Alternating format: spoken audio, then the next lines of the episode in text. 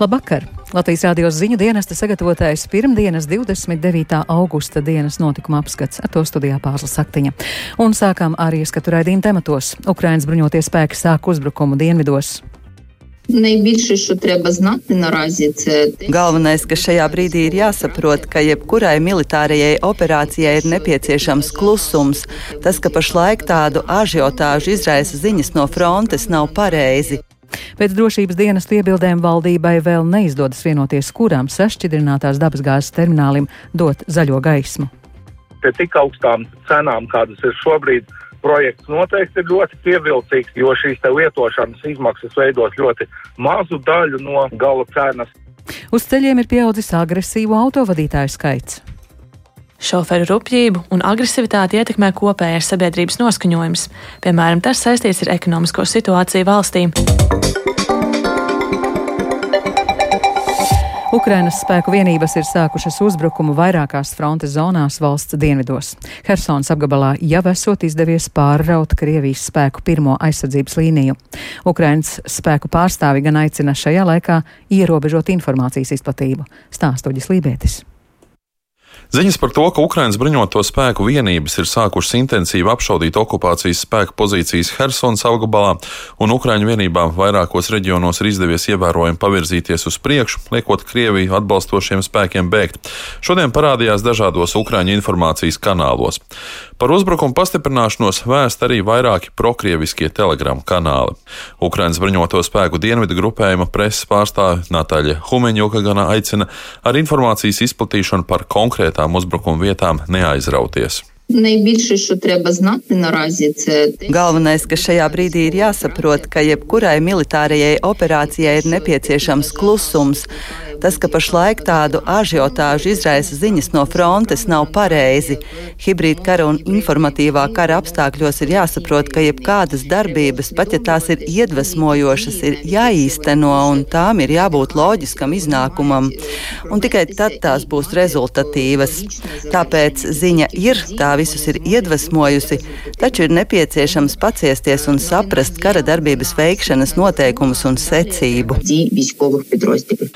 Kā ir paziņojis Ukrainas prezidenta biroja padomnieks Mihailo Podoļaks, nav nekādu šaubu par to, ka Ukrainas bruņoto spēki visu izdarīs pareizi. Taču arī viņš ir aicinājis rūpīgi izvērtēt izskanējušo informāciju un izvairīties no sensacionālu ziņu meklēšanas un izplatīšanas. Vienlaikus Helsinas apgabala vadība ir aicinājusi okupētajās teritorijās joprojām dzīvojošos iedzīvotājus parūpēties par savu un savu tuvinieku drošību, izveidojot ūdenskrātumus un sagatavojot pirmās palīdzības aptieciņas. Tāpat iedzīvotāji ir aicināti dot doties prom no vietām, kuru tūmā atrodas ienaidnieka militārie objekti. Uģis Lībijams, Latvijas radio. Latvijas sniegtais militārais atbalsts Ukrainai cīņā pret Krievijas uzbrukumu ir jau aptuveni 300 miljoni eiro. Savukārt Latvijas iedzīvotāji, uzņēmumi un nevalstiskās organizācijas ziedojušas vairāk nekā 15 miljonus eiro. Tā liecina aizsardzības ministrijas apkopotā informācija. Militārajā atbalstā ir munīcija, dažādi ieroči un raķetes, sausā pārtika, bezpilota lidaparāti, pašgājēji haubicas, helikopteri, degviela un citas preces. Savukārt iedzīvotāji ziedojuši pārtiku un apģērbu karavīriem, kā arī īpaši sagatavotus apvidus automobīļus. Latvijā ārstējas vai atlapšanas procesu jau beiguši teju 40 ievainotie Ukraiņas karavīri. Vairāk no viņiem tagad pāris nedēļas veseļojas Nacionālajā rehabilitācijas centrā Vaivari, kur atbalsts atlaps no smagām traumām, kas gūtas karā ar Krieviju. Saņemtā palīdzība izrādījusies labāka nekā domājuši, tā atzīst kāds no karavīriem. Savukārt ceļš līdz vaivariem bijis ļoti smags, stāsta Vladimirs Svjatkijevskis, kurš karā guvis galvas traumu. Но я думаю, что наши э, друзья э, сделают нас э, сильнее. Es domāju, ka mūsu draugi padarīs mūs stiprākus, un tuvākajā laikā mēs strādāsim tā, kā strādājām pirms tam. Man ir snaipera gūts ievainojums. Pēc tā es jau četrus mēnešus ārstējos un tagad rehabilitējos. Fiziski es vairāk vai mazāk jūtos labi, bet vēl slikti runāju. Te ir labi logopēdi un mākslas terapija. Daudz palīdz. Pēc izvesļošanās plānoju strādāt kā iepriekš. Līdz šim biju feldšeris. Ievainotajiem ir specifiskas militāras traumas, kas gūtas šaujamieroču lietošanas un sprādzienu rezultātā. Tā skaitā ir politraumas ar roku un kāju lūzumiem. Kopumā karavīru stāvoklis ir stabils un viņi ļoti vēlas izvesaļoties. To Latvijas radio atzīmēja rehabilitācijas centra vaivarī ārste Zaiga Kalnbērza. Pacienti ir diezgan smagi, smagas traumas, traumas sekas, bet uh, tas pozitīvais ir tas, ka viņi ir ļoti teikt, paši vērsti uz to rehabilitāciju un viņi grib atvesaļoties. Viņi ir gatavi strādāt, tāpēc es teiktu, ka uh, nu, viņiem tikai jāturpina viss, ko mēs iemācām. Protams, kad viņi vēlās kā, atgriezties un atgriezties frontē, bet viņi jau saprot to, ka. Nu, ir jāsaņem šī medicīniskā ārstēšana. Un, kā jau viņi paši atzīmē, ka viņi ir gatavi darīt visu, lai atjaunotu savu stāvokli funkcionēšanas un mazinātu arī tās sekas. Pēc drošības dienestu iebildēm valdībai šodien vēl neizdevās vienoties, kurām sašķidrinātās dabasgāzes terminālim dot zaļo gaismu. Valdības slēgtas ārkārtas sēdes laikā uzklausīja ekonomikas ministrijas informatīvo ziņojumu par dabasgāzes termināļu projektu plāniem Latvijā. Projektus pieteikušas divas kompānijas - Skulte LNG termināla Salkrastos un Kundziņas salas dienvidu projekts Rīgā. Turpina Jānis Kincis. Uzņēmums Skulta LNG termināli ir reģistrēts 2016. gadā, un šī uzņēmuma patiesie labumu guvēji ir Arfins Unums un Pēters Ragaušs. Zināms, ka šā gada maijā 20% Skulta LNG termināla akciju iegādājās arī degvielas tirgotājs Viršjā. Savukārt Kunziņcēlas dienvidu projekts reģistrēts 2010. gadā. Kompānijas vienīgā īpašniece ir ASV kompānija Millennium Energy Partners LLC, un tā patiesais labumu guvējs ir Laša Šanidze. Pašlaik Baltijā sašķidrinātās gāzes termināls darbojas Lietuvā, Klaipēdā, savukārt vēlāk rudenī ap novembri darbu varētu sākt vēl viens termināls Paldiskos Igaunijā.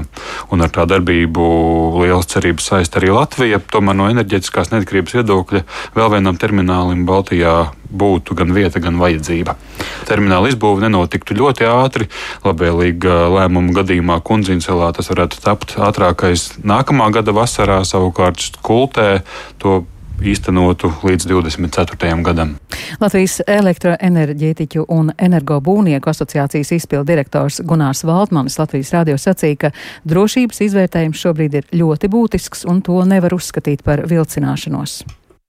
Ņemot vērā kara situāciju, protams, valdībai ir jāvērtē un iesaistītajām pusēm, vai pieņemsim uh, projekta realizāciju nākotnē nevarētu skart kaut kādas iespējamās sankcijas, kuras, kā zināms, šobrīd kara apstākļos ir pat ļoti būtisks jautājums, kur situācija var mainīties arī tuvākajos mēnešos, tuvāko gadu laikā. Būtu ļoti svarīgi, lai tas uzņēmums, kurš projektu realizē, attiecīgi katrs savu, lai viņi nesaskartos, pieņemsim, ar kaut kādiem kapitāla plūsmas ierobežojumiem vai arī ar iekārtu piegādu ierobežojumiem. Es uzskatu, ka šajā gadījumā šī viena diena nav būtisks nekāds kavējums vai novilcināšana, bet tas ir pamatoti Pašvaldību ministrs Artūrs Toms Plešs no attīstībai pār pieprasījis Daugaupils domas priekšsēdētājam Andrijam Elksniņam no saskaņas nekavējoties, bet ne vēlāk kā 20 dienu laikā rakstiski iesniegt abu padomju režīmu slavinošu pieminekļu demontāžas grafiku.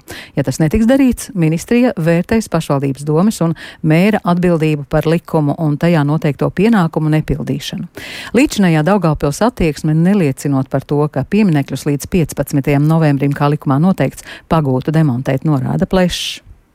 Secināms, ka pašvaldība vilcinās ar saulēcīgu darbību plānošanu un veikšanu, lai likumā noteiktajā termiņā demontētu padomju režīmu slavinošus objektus. Šie paskaidrojumi, kurus mēs esam pieprasījuši Elksniņa kungam, tā nav kaut kāda parasta vēstule, kuru mēs vienkārši ikdienā rakstam kādam domas priekšsēdētājam. Šī vēstule un šie paskaidrojumi, kuru mēs esam pieprasījuši eh, domas priekšsēdētājiem sniegt atbildes nekavējoties, kādā veidā tiks demontēta, ir pašvaldības likumā noteiktā kārtība tajos brīžos, kad eh, tiek konstatēti eh, nu, būtiski tiesību aizskārumi un tādā ziņā arī likuma pārkāpumi. Jāatgādina, ka ministrija lūdza līdz 5. augustam visām pašvaldībām iesniegt pieminiektu demontāžas grafiku. Daugaupils atbildi nesniedza. Savukārt Daugaupils mērs Andrejs Elksniņš Latvijas radio norāda, ka pašvaldība dara visu, kas noteikts likumā.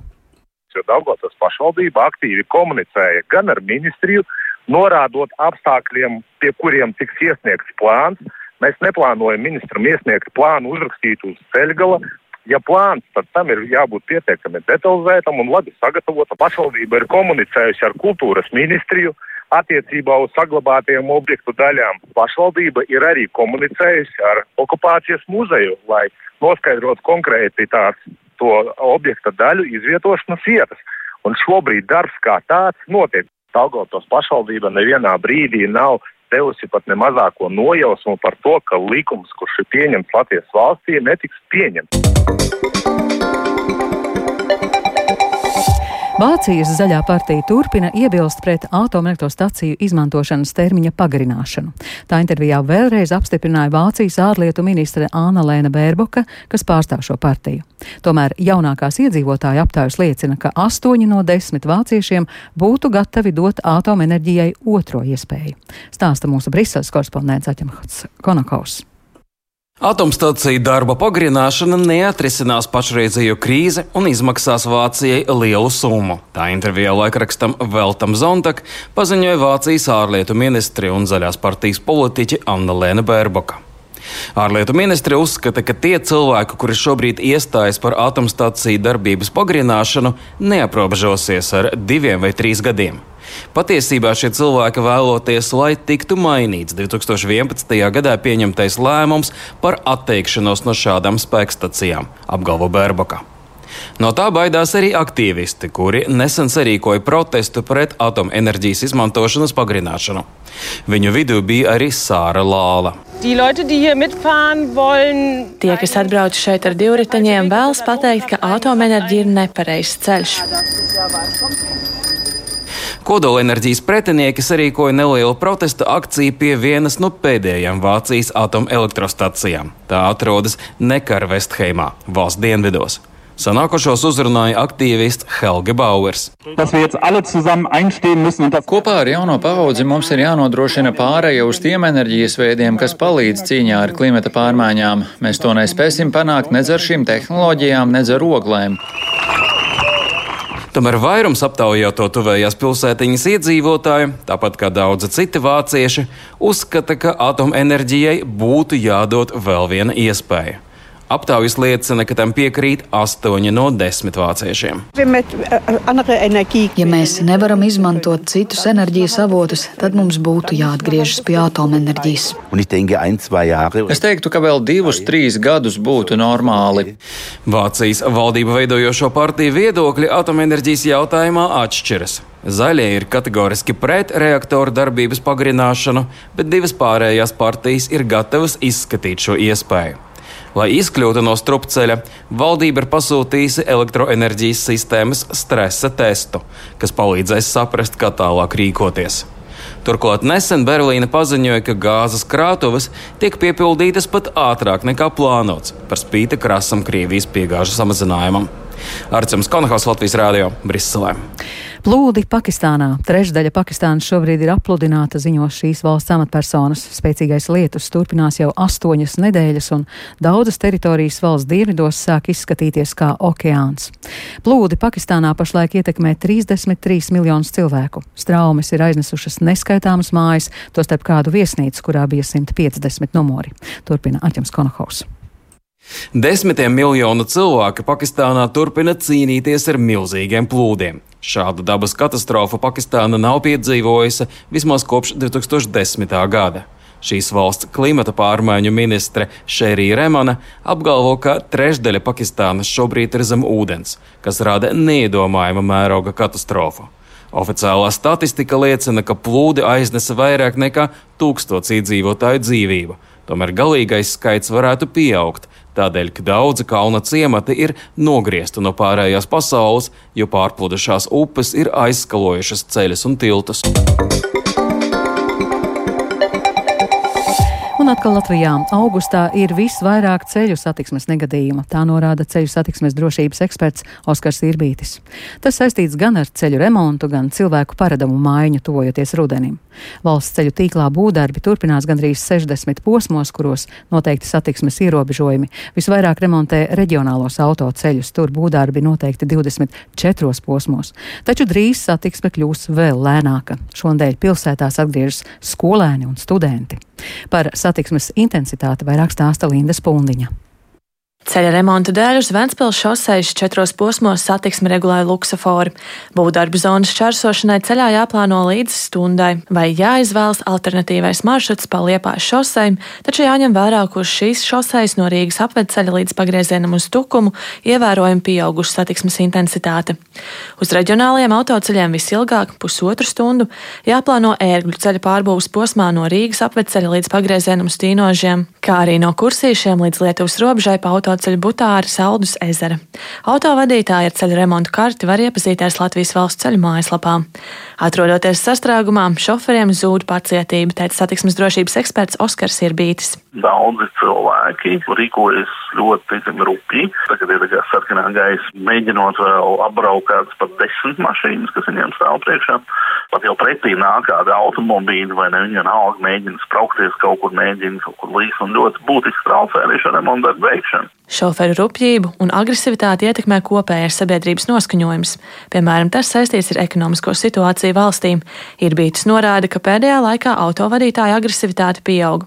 Tomēr šonadēļ sastrēgumus neveido vien ceļa remonti, sāks jaunais mācību gads, kas būtiski ietekmēs satiksmes intensitāti. Jārēķinās ar divām būtiskām lietām sastrēgumiem, jo mums vēl joprojām valstī nav normāli norganizēta skolnieku pārvadāšana. Ir ceļš Rīga izceļas ar šo jautājumu. Otrs, šie skolnieki atgriežas satiksmē. Sevišķi bīstami, ja skolēni izmanto skrējriteņus, norāda eksperts. Jārēķinās, ka šo transporta līdzekļu intensitāte palielināsies, savukārt skrējriteņu lietotājiem jārēķinās, ka arī gājai ielās būs vairāk. Linda Spundiņa, Latvijas radio. To, ka uz Latvijas autoceļiem ir pieaudzis agresīvo autovadītāju skaits, parāda gan ar fotoradaru fiksētie pārkāpumi, gan policijas uzliktie sodi. Tā Latvijas radio sacīja ceļu satiksmes drošības direkcijas valdes loceklis Aivars Ksēnoks, piebilstot gan, ka policijai tagad arī ir daudz lielākas iespējas kontrolēt agresīvo braukšanu, piemēram, ar droniem. Aksenoks agresīvāku braukšanu saista arī ar apkārtējo vidi. Covid laiks, karš Ukrainā, sliktāka ekonomiskā situācija un problēmas personīgajā dzīvē. Viņš pieļauj, ka tas atspoguļojas arī vadot automobīli. Tikai ar kampaņām panākt uzlabojums viņa prāt nevar, tāpēc par dažiem pārkāpumiem būtu nosakāmi stingrāki sodi. Šobrīd notiek diskusijas, piemēram, par sodu, ja ātrums pārsniegts līdz 10 km/h, par ko pat laban ir brīdinājums, ko daudzi vadītāji neuzskata par sodu. Daudz auto, autovadītāji zina, ka līdz tiem desmit, varbūt vēl plus 3 km/h viņus eh, īsti sodīt nevar, un viņi to uztver kā normu. Daudz autovadītāji brauc 50 eh, km/h vietā ar 63 km/h, un viņi paši iekšēji uzskata, ka es taču neko nepārkāpju. Bet ir autovadītāji, un mums rāda arī pētījumi, ka piemēram ārpus pilsētām 29% autovadītāji brauc ar atļautu ātrumu. Savukārt tie, kur brauc ātrāk, tiem liekas, nu, ko viņš tur velkās. Man viņš noteikti ir jāapdzen. Un šo apzīšanas rezultātā arī notiek ļoti smagi satiksmes negadījumi. Liepājā salīdzinot ar pagājušo gadu turistu skaits pieaudzis vismaz par 40%. Turklāt nepiepildījās bažas, ka kara darbības apstākļu ietekmē būtiski saruks atpūtnieku skaits, piemēram, no Vācijas. Liepājā šī gada otrajā ceturksnī nakšņojuši viesi no 85 valstīm. Pilsētā parādījusies arī jauna turisma niša - iespēja apkalpot kruīza kuģus. Kādas ir tendences par to Liepājas reģiona turisma biroja vadītāja iztaujāja Inga Ozola. Pandēmijas beigas un cilvēku normālu pārvietošanos gaidīja visi, taču tad sākās notikumi pēc 24. februāra.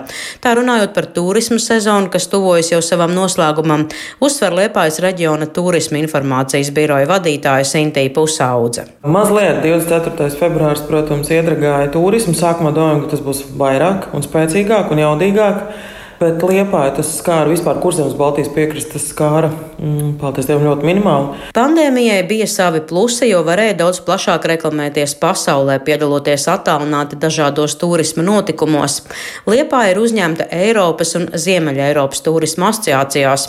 Pandēmija ļāvusi sagatavoties arī sešu kruīzu kuģu uzņemšanai, kas šogad ieradās Liepājā. Protams, tas, ka atsākās gandrīz te jau pilnā apmērā turisma sezona, nedaudz transporta nozarei uzliek papildus slogu, jo viņu personāla iztrūkums ir tikpat liels kā viesmīlības nozare. Tad tomēr mēs bijām ļoti gatavi. Mums ir izcili augstu rangu profesionāli darbinieki arī turisma informācijas birojā. Kas viņiem visvairāk interesē Lietuvā? Kultūra vēsturiskais mantojums, tradīcijas, latviešu tradīcijas, ir īpaši senās tradīcijas. Tāpēc viena no grupām arī tika vēsta uz Rucavas zvanītājiem. Tāpat arī tiem viesiem, kas izkāpa šatlu pieturās, kas brauc paši savā brīvā gaitā, ļoti interesēja mūsu interjeru muzejs. Kojakundas viesnams. Liepais muzejs, tas, ka šeit bija amatnieku tirdziņi, viņiem bija ļoti priecīgi. Tā sajūta, viņi ir apstīties, ko tad ražo Latvijā tieši amatnieki. Jau tagad ir zināms, ka divi kruīzi kuģi Liepājā nākamgad atgriezīsies. Turklāt viesi varētu uzturēties ilgāk, nevis tikai dažas stundas. Apmeklēt arī koncertus vai pludmales festivālu vasarā. Pagaidām dati par turistu apriti Liepājā ir zināmi līdz jūnija beigām, taču ir skaidrs, ka šis gads ir ievērojami labāks nekā pagājušais. To rāda statistikas dati un viesnīcu apmeklējums. Patīkami ir tas, ka arī pavadīto nakšu skaits ir palielinājies, kas savukārt nozīmē to, ka viņš šeit ir ilgāk. Laika apstākļi augusta pēdējās dienās ir bijuši tik neraksturīgi silti, ka sezonas noslēgums patīkam pārsteidzis. Par to stāsta Liepājas puses viesumājas verbeļnieks saimnieks Klaus Vikmanis. Pie viņiem galvenokārt atpūšas turisti no Lietuvas, kur šogad ir īpaši daudz. Turklāt ir sajūta, ka cilvēki ir izslāpuši pēc šādiem laikapstākļiem un neziņā par to, kas sagaida rudenī, cenšas tvert katru mirkli. Es vispār neatceros, ka ir bijis labi, ir bijis smūgs, saulaina diena. Bet tikko noiet saule, kā teikt, jūrā tā viss paliek drēgns, nepatīkams, tāds veicīgs. Jā, bet tagad ir tie vakari vienkārši nu, fantastiski. Latvija un Liepā ir interesanti arī turistiem no attālinātiem reģioniem pasaulē, kur valda liels karstums. Zināms, ka septembrī vizītē ieradīsies turisma nozars pārstāvi no apvienotajiem Arābu Emirātiem - Ingozola Latvijas radio Kurzemē. Bet nedēļas nogalē Rīgā sāksies starptautiskais jaunā teātra festivāls Homo Novus, kura mērķis jau ir daudzu gadu garumā - iepazīstināt ar jaunām teātra formām un izpausmēm. Vairāk nekā nedēļas garumā festivāls piedāvās 16 izrāžu, kā arī meistarklases, darbnīcas un citus notikumus, kuros piedalīsies mākslinieki no gandrīz 20 valstīm. Ņemot vērā pēdējo gadu kontekstu, festivāls šogad veltīts tumsas tēmai. Taču izrādes aicinās nevis pakļauties tumsai, bet gan meklēt ceļu atkal uz gaismu. Stāsta viena no festivāla veidotājām Santa Remere. Mēs varam teikt, ka šis ir tumšs gads. Teiksim, arī cilvēkiem, kas rūpējas par mākslu, tāpat ar sevi jautājums, vai mēs varam šādā laikā priecāties, atzīmēt, svinēt kopā būšanu, zinot, ka ļoti daudziem šis laiks ir grūts, tumšs. Un tā nu radās šī apjausma, ka arī tumsā ir iespējams apstāties, apdomāties un saskatīt iespējams jaunu kaut kādu cerību un meklēt, kā mēs visi kopā varam iet uz priekšu ar šo tādu tā jauno saprasto patiesību. Pamatā festivāla tēma izrādējas atklāsies simboliskā nozīmē, piemēram, mākslinieks no Dienvidkorejas Džaka Hu pievērsīsies lingvistiskajam imperialismam. Viņa izrāde Lallināt un Trallināt vēsta par angļu valodu kā politiskās varas valodu Dienvidkorejā. Izrādās daudzi korejieši veids pat speciālu mēles saišu operāciju, lai viņu angļu valodas izruna būtu precīzāka. Turpina Santa Remere. Korejieši trenē savu angļu valodu, mēģinot izrunāt R burtus, un šajā valodā skaņa R īsti nepastāv. Un, uh, tas ir stāsts par tādu lingvistisko imperialismu, par to, kā dažādi okupējošie spēki ir korejiešiem likuši mācīties svešvalodas, liekot locīt mēles un savā ziņā izdzēšot viņu vietējo valodu. Un man šķiet, ka šīs idejas rezonē ne tikai Korejā. Ir interesanti to paskatīties no distances, caur citas kultūras perspektīvu, bet padomāt arī pašiem līdzi, kā varas mainās, bet ideoloģijas un izglītības mehānismi paliek tie paši. Festivāls piedāvās arī trīs dienu izrāžu un notikumu programmu Homo Novus apvērsums, ko veidojuši desmit pusauģi no Latvijas un Norvēģijas. Viens no tās kuratoriem ir Alberts Roze. Mūsu radošais process sākās martā Norvēģijā rezidencēs, un eh, kopā pētot ar tiešām izciliem mentoriem, mēs nonācām pie tādām tēmām kā novecošana un nostalģija, un skatīties, kā paudzes mainās. Un, eh, lai gan mēs esam jaunieši, un uz visu skatāmies no tādas jauniešu lēcas. Es domāju, ka visiem varētu būt interesanti paskatīties uz to, kā mēs esam veidojuši šo telpu ar eh, darbiem par eh, šīm visiem svarīgajām tēmām.